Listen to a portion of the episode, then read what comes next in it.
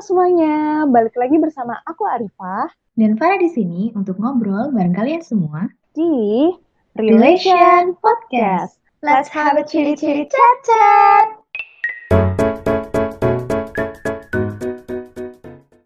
Halo semuanya, balik lagi bareng Relation. Kali ini kalian bakal ditemenin sama aku Arifah dan kita masih bakal bahas tentang abusive relationship bareng Mbak Eli.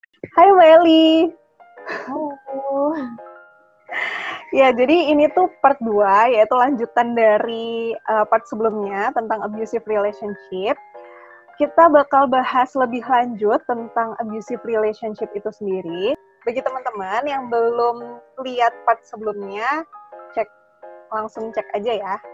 Rasanya nggak nggak bisa hidup tanpa pasangan. Pasangan lebih penting dibandingkan oksigen. Ke mana-mana harus Aduh, sama pasangan. Banget Betul.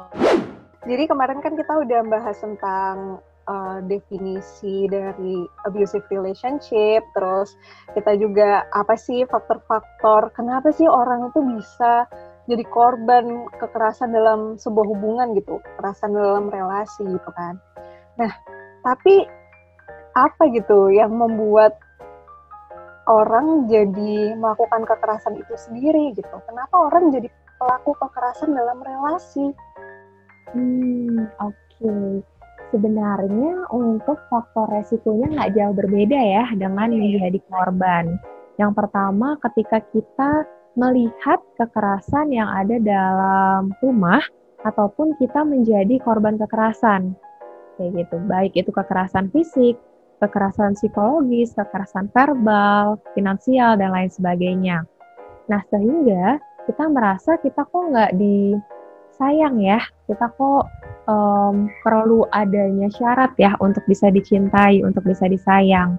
Sehingga itu bisa menyebabkan adanya insecure attachment nih, sama seperti yang um, pada saat menjadi korban ya, kayak gitu. Nah, biasanya kalau insecure attachment-nya adalah anxious, biasanya orang itu akan sangat posesif, sangat protektif, rasanya pengen selalu dekat dengan pasangan kayak gitu. Sehingga kalau misalkan pasangan udah nggak ada kabar lima menit aja, tiba-tiba diteleponin, ini lagi sama siapa, aku nggak percaya nih. Karena dia sangat khawatir, dia sangat cemas bahwa pasangannya akan ninggalin dia. Insecure attachment itu nggak hanya berdampak pada nggak um, hanya merupakan faktor resiko seseorang menjadi korban, tapi bisa juga menjadi faktor resiko seseorang menjadi pelaku kekerasan kayak gitu. Yang kedua, karena adanya coping mechanism yang tidak adaptif dan tidak um, tidak efektif ya, jadi kesannya destruktif. Misalnya ketika lagi marah, ketika lagi kesel, dia menghancurkan barang, menghancurkan pintu dan sebagainya, atau bahkan melakukan kekerasan verbal. Hal ini juga akan um, ditampilkan pada saat hubungan pada saat dalam hubungan romantis kayak gitu. Misalnya dia ketika marah tiba-tiba bicara kasar, membanting barang atau bahkan um, melukai pasangan secara fisik kayak gitu. Yang ketiga, adanya kompensasi dari perasaan inferior atau self esteem yang rendah. Dia ingin mendominasi sebagai seorang pasangan. Dia ingin take a control dalam sebuah hubungan. Akhirnya dia ngerasa bahwa kekerasan itu adalah salah satu cara yang bisa digunakan untuk mendominasi pasangan. Yang selanjutnya adalah anger issue. Ini sebenarnya sangat berkaitan ya dengan coping mechanism di mana dia kesulitan nih untuk mengontrol kemarahannya. Marah kan sebenarnya adalah emosi yang wajar ya, yang kita semua manusia pasti pernah merasakan. Tapi bagaimana cara mengekspresikannya, itu orang-orang yang um, menjadi pelaku kekerasan itu kesulitan untuk mengontrol kemarahannya. Selanjutnya, adanya atau kurangnya keterampilan komunikasi yang baik. Kalau misalnya untuk orang-orang yang menjadi korban kekerasan lebih ke pasif atau tidak asertif, orang-orang yang menjadi pelaku kekerasan ini lebih ke agresif gaya komunikasinya.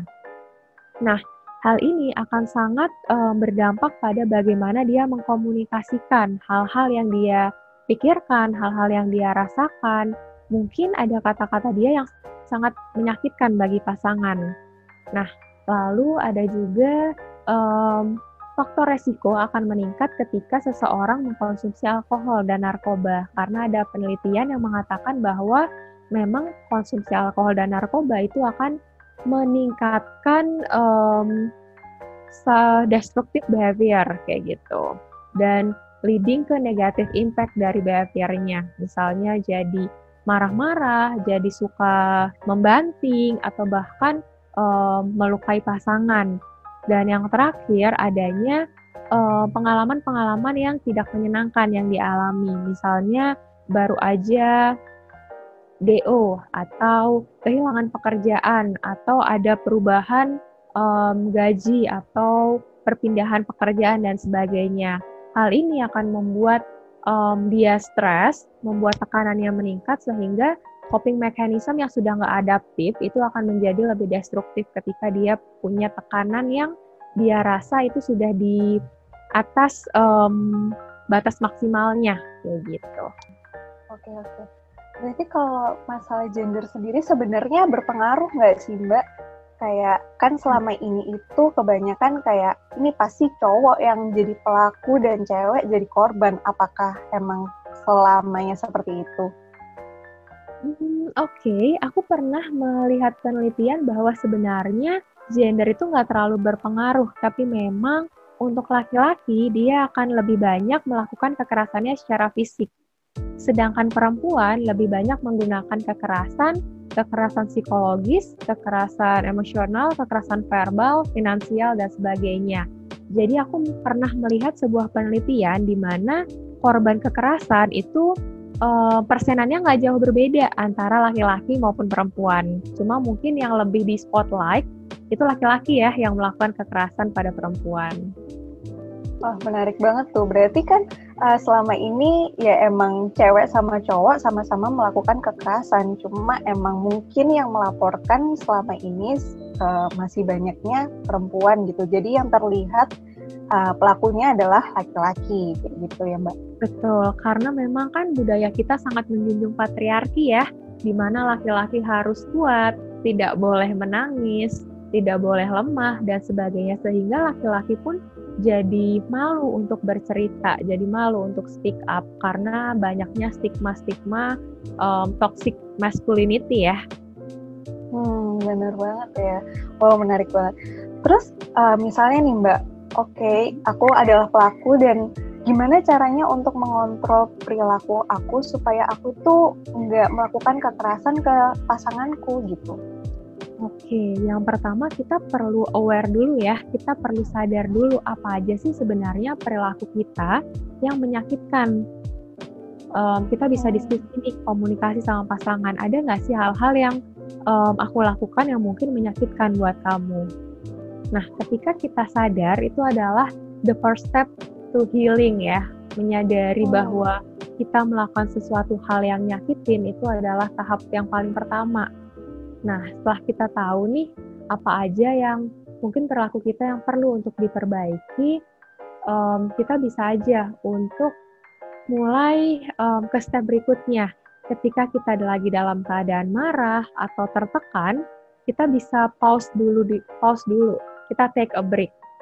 Berikan diri waktu untuk merasa tenang sehingga kita nggak impulsif untuk melakukan suatu kekerasan kayak gitu. Yang ketiga selanjutnya adalah ingat bahwa kita punya kendali penuh atas diri kita sendiri, atas apa yang kita pikirin, apa yang kita rasain, dan apa yang kita lakuin.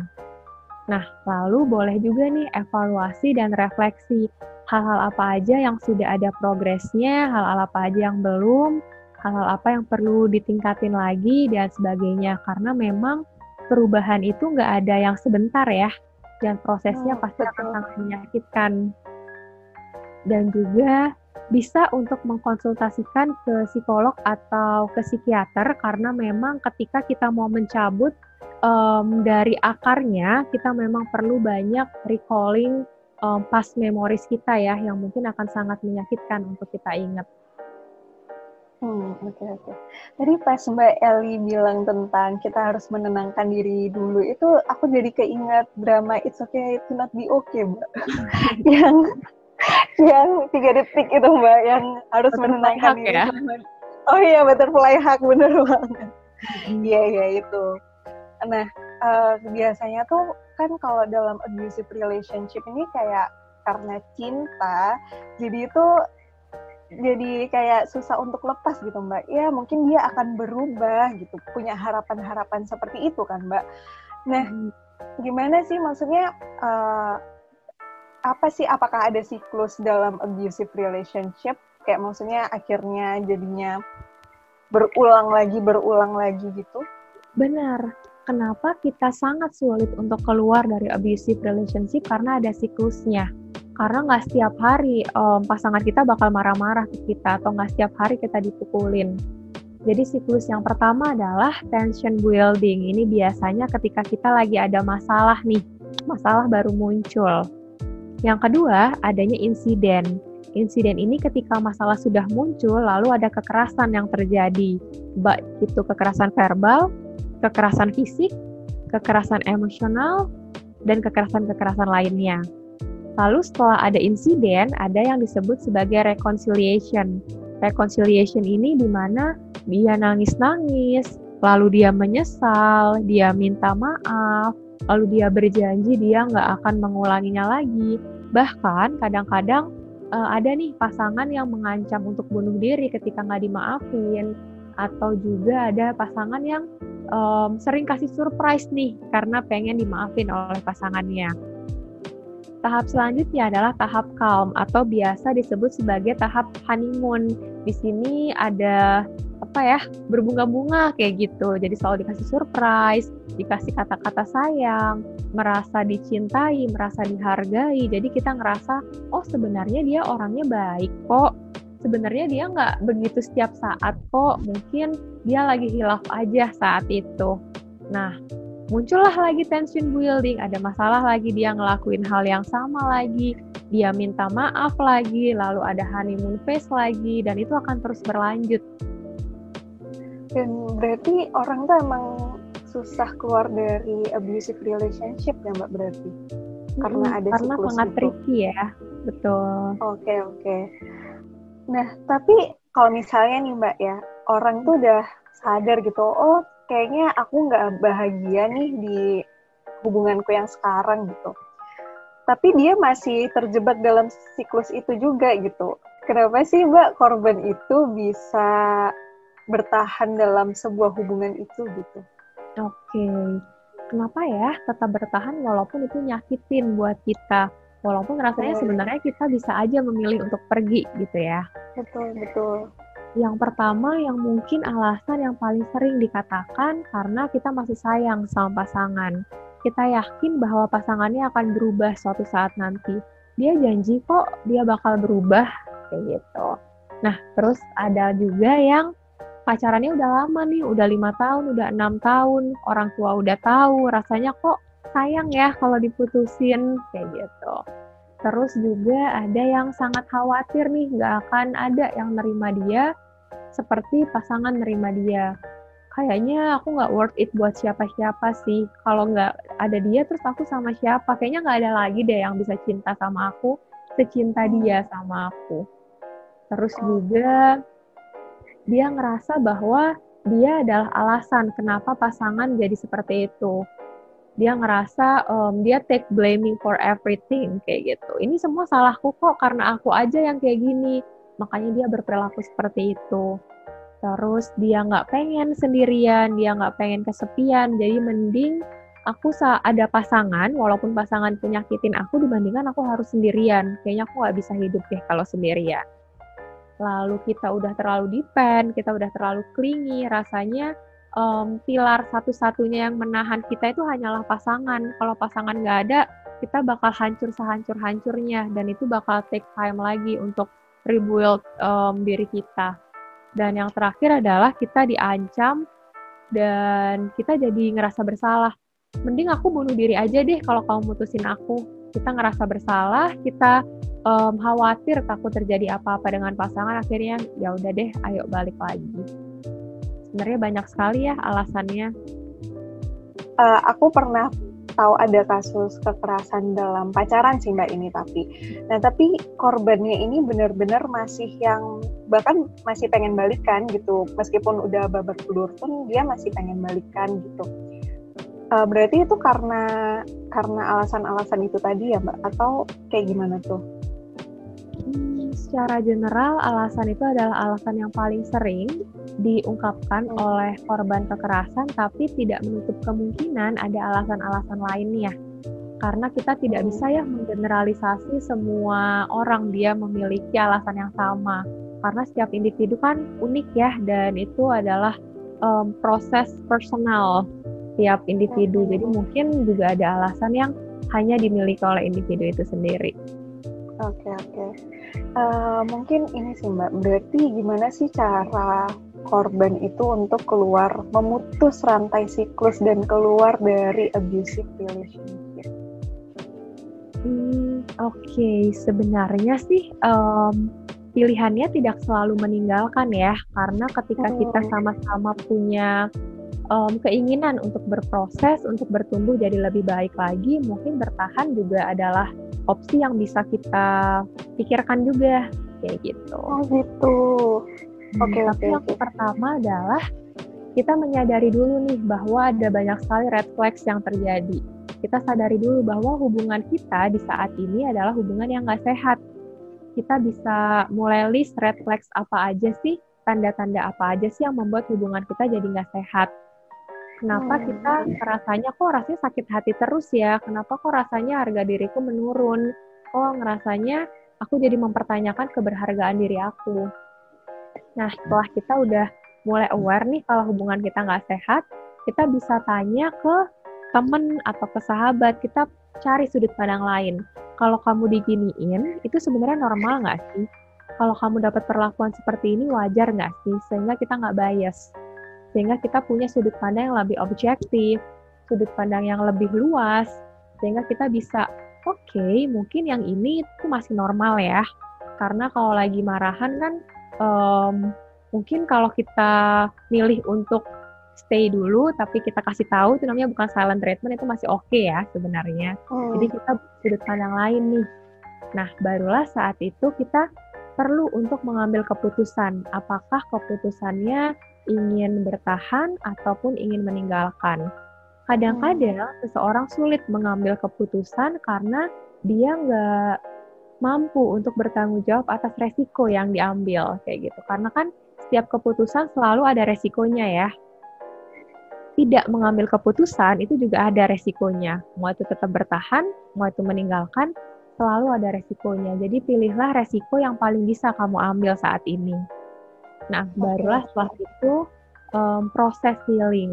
Kita perlu embrace ourselves, kita perlu self care, kita perlu untuk sayang diri kita sendiri. Aku memang sekarang lagi nggak baik-baik aja nih, tapi itu nggak apa-apa kok. Mungkin um, saat ini rasanya kayak duniaku kolaps, tapi it's okay. It will be okay. Ini bakal segera berlalu.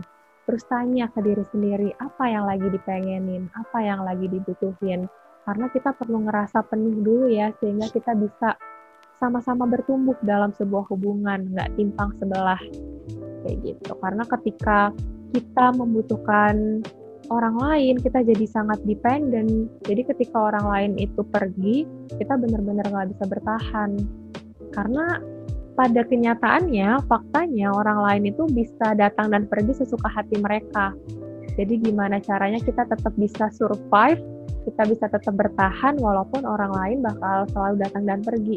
Kita karena diri kita selalu punya diri kita sendiri ya.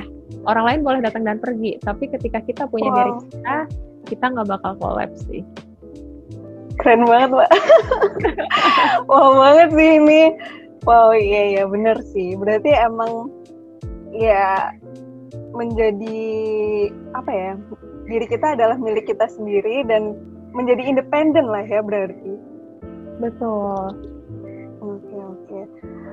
Uh, terakhir Mbak mungkin ada nggak sih Mbak kayak pesan-pesan gitu untuk eh, korban-korban apa ya yang masih yang masih berada pada abusive relationship mungkin bisa dikasih saran atau pesan gitu ke mereka. Um, saran dan pesannya, um, aku merasa bahwa kita perlu untuk menyadari, kita perlu untuk memahami diri kita sendiri, apakah saat ini kita lagi terluka atau enggak, apakah saat ini kita lagi um, tertekan atau enggak, karena sebelum kita bisa memutuskan tok ikatan toxic relationship itu entah itu nantinya akan meninggalkan ataupun bertahan kita perlu tanyakan ke diri kita sendiri dulu. Kita perlu tahu apa yang kita butuhin. Dan ini adalah salah satu quotes menarik ya the moment that you start to wonder if you deserve better, you do. Jadi ketika kamu um, satu momen di mana kamu merasa kok kayaknya aku layak ya dapetin yang lebih baik, ya itu berarti kamu memang layak mendapatkan yang lebih baik. Gila sih, mantap banget mbak. wow banget sih. Uh, mungkin bisa aku simpulin aja dari part 2 tentang abusive relationship ini.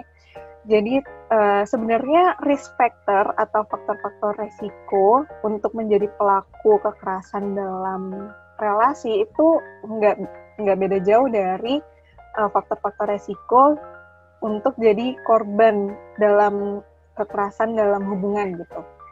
Nah, uh, yang membedakan mungkin kayak uh, anger management atau ya kayak dia masih belum bisa meregulasi emosinya lah ya berarti.